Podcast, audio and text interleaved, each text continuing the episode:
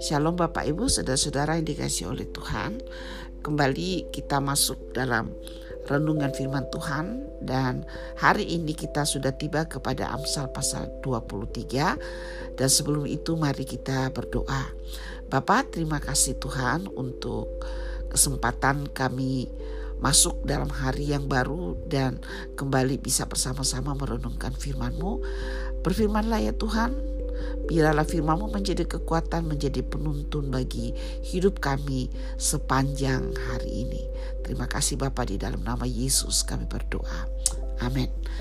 Bapak Ibu di dalam uh, Amsal 23 ini terdiri dari 35 pasal dan uh, cukup banyak uh, poin-poin yang kita bisa renungkan dari 35 ayat ini.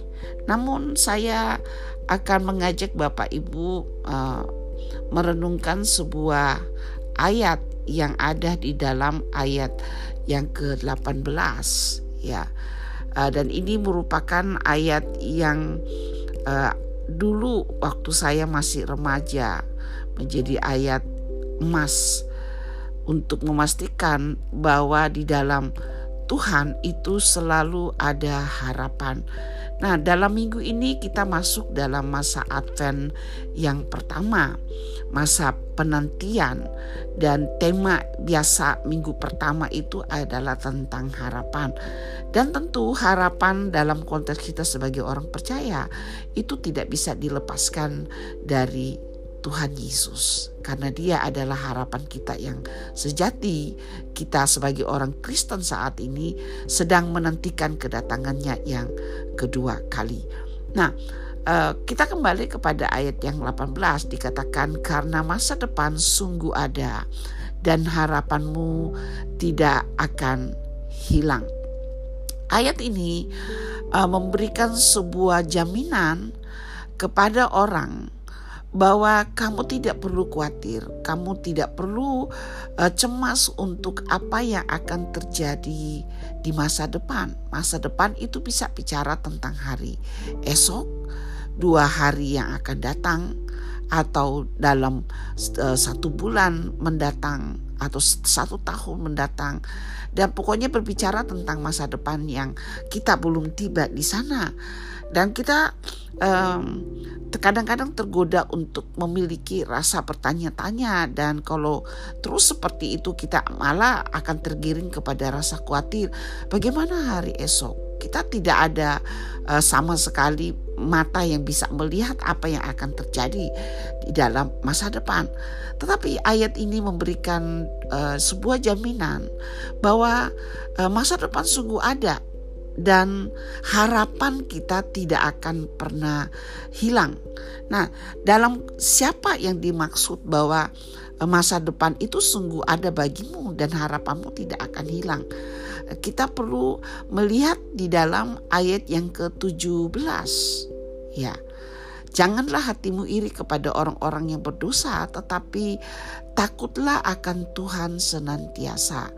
Jadi orang yang dijamin bahwa masa depan mereka sungguh ada dan harapan mereka tidak akan pernah hilang itu adalah orang yang takut akan Tuhan. Takut akan Tuhan bukan seperti uh, ketakutan yang horor, tetapi rasa takut itu lebih dekat kepada rasa hormat, ya rasa kagum kepada Tuhan rasa menghormati Tuhan sedemikian rupa sehingga kita tidak akan melakukan apa yang Tuhan tidak sukai. Dan yang Tuhan tidak sukai itu adalah dosa. Nah, Uh, namun dalam kehidupan kita sehari-hari Bapak Ibu kadang-kadang kita melihat ya ada orang uh, pepatah mengatakan rumput tetangga itu lebih hijau kadang-kadang kita melihat bahwa orang-orang fasik, orang-orang yang tidak pernah peduli kepada ibadah, kepada Tuhan, nampaknya hidup mereka lebih baik daripada kita. Jalan hidup mereka itu seperti jalan yang lempeng, jalan yang lurus, tidak berkelok-kelok, ya, dan uh, tidak berlubang-lubang. Sementara hidup kita tidak karu-karuan Uh, tetapi apa yang kita lihat secara jasmani itu tidaklah seperti apa yang uh, Tuhan lihat. Nah, kenapa kita sebagai orang percaya bisa memiliki sebuah keyakinan bahwa masa depan bagi kita waktu kita menghormati Tuhan itu pasti ada. Dan harapan kita itu tidak akan pernah hilang. Mengapa? Karena Tuhanlah pemilik masa depan. Tuhan ada di masa depan dan Tuhan tahu apa yang terjadi di masa depan. Itu sebabnya Tuhan berkata daripada engkau iri kepada orang-orang yang berdosa, mari engkau menunjukkan atau mengembangkan kehidupan rohani yang menghormati aku, kata Tuhan menghormati Tuhan dengan membenci dosa, mengasihi Tuhan dengan uh, berhenti untuk melakukan dosa. Dan bagi orang-orang seperti ini, Tuhan menjamin satu hal bahwa masa depan sungguh ada dan harapan mereka tidak akan hilang. Bapak Ibu, di dalam uh, tahun ini ya kita sebentar lagi akan meninggalkan tahun 2022. Eh, Namun saya mengamini, saya percaya kita melewati 11 bulan ya hampir 11 bulan uh, full uh, kalau kita menoleh ke belakang waktu kita memulai tahun 2022 kita uh, tidak melihat sesuatu yang jelas apa yang akan terjadi.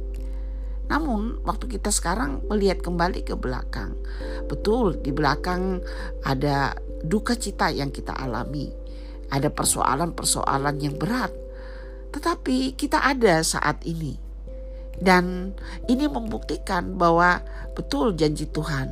Masa depan itu sungguh ada, karena kita ada di masa depan yang dulunya kita Eh, lihat dengan rasa takut. Apakah aku akan tiba di sana? Apakah ada sesuatu yang baik di sana? Dan sekarang kita bersama-sama mengamini ya bahwa di tengah-tengah semua gejolak dalam tahun 2022 Tuhan itu baik. Dia memberikan kita jaminan. Dia berjalan bersama-sama dengan kita. Sehingga apa yang kita uh, takutkan di awal tahun 2022 ya takutkan tentang masa depan yang tidak bisa kita lihat. Dan sekarang kita sudah ada di masa depan yang satu bulan yang lalu dua bulan yang lalu atau sepuluh bulan yang lalu sebagai masa depan dan kita ada sekarang dan kita Eh, bersyukur untuk semua kebaikan Tuhan dalam hidup kita dan uh, kiranya uh, keyakinan ini yang ada di dalam ayat 18 itu menjadi keyakinan kita setiap hari. Masa depan sungguh ada untuk aku dan harapanku tidak akan hilang. Lalu kita bergerak ke masa depan. Hari esok itu masa depan. Dan waktu kita berada di hari esok, kita buat lagi pernyataan iman sama Masa depan sungguh ada dan harapanku tidak akan hilang. Ya, kenapa masa depan sungguh ada bagi kita dan harapan kita tidak akan hilang? Karena Allah ada bersama dengan kita. Dia Allah Immanuel, Dia berjalan bersama-sama dengan kita.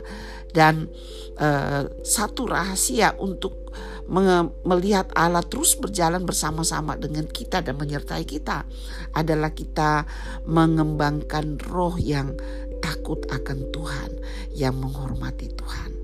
Kiranya Bapak Ibu, Tuhan akan menolong Bapak Ibu untuk hidup di dalam rasa takut akan Tuhan.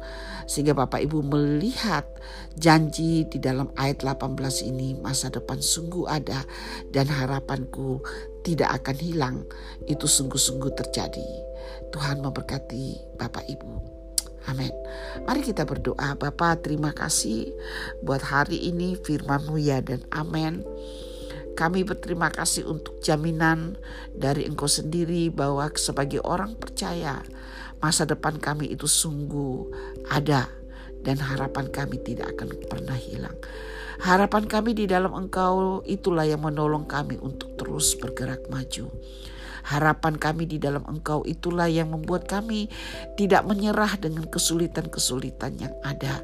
Harapan di dalam Engkau itulah yang membuat hati kami bersyukur dan kiranya Eh, pernyataan di dalam Amsal 23 ayat 18 ini menjadi bahasa iman kami setiap hari. Tuhan karena engkau beserta dengan aku maka aku memiliki sebuah keyakinan masa depan sungguh ada dan harapanku tidak akan pernah hilang. Tuhan terima kasih buat jaminan ini itu cukup bagi kami untuk menjadi orang yang tidak akan dikhawatirkan oleh apa pun.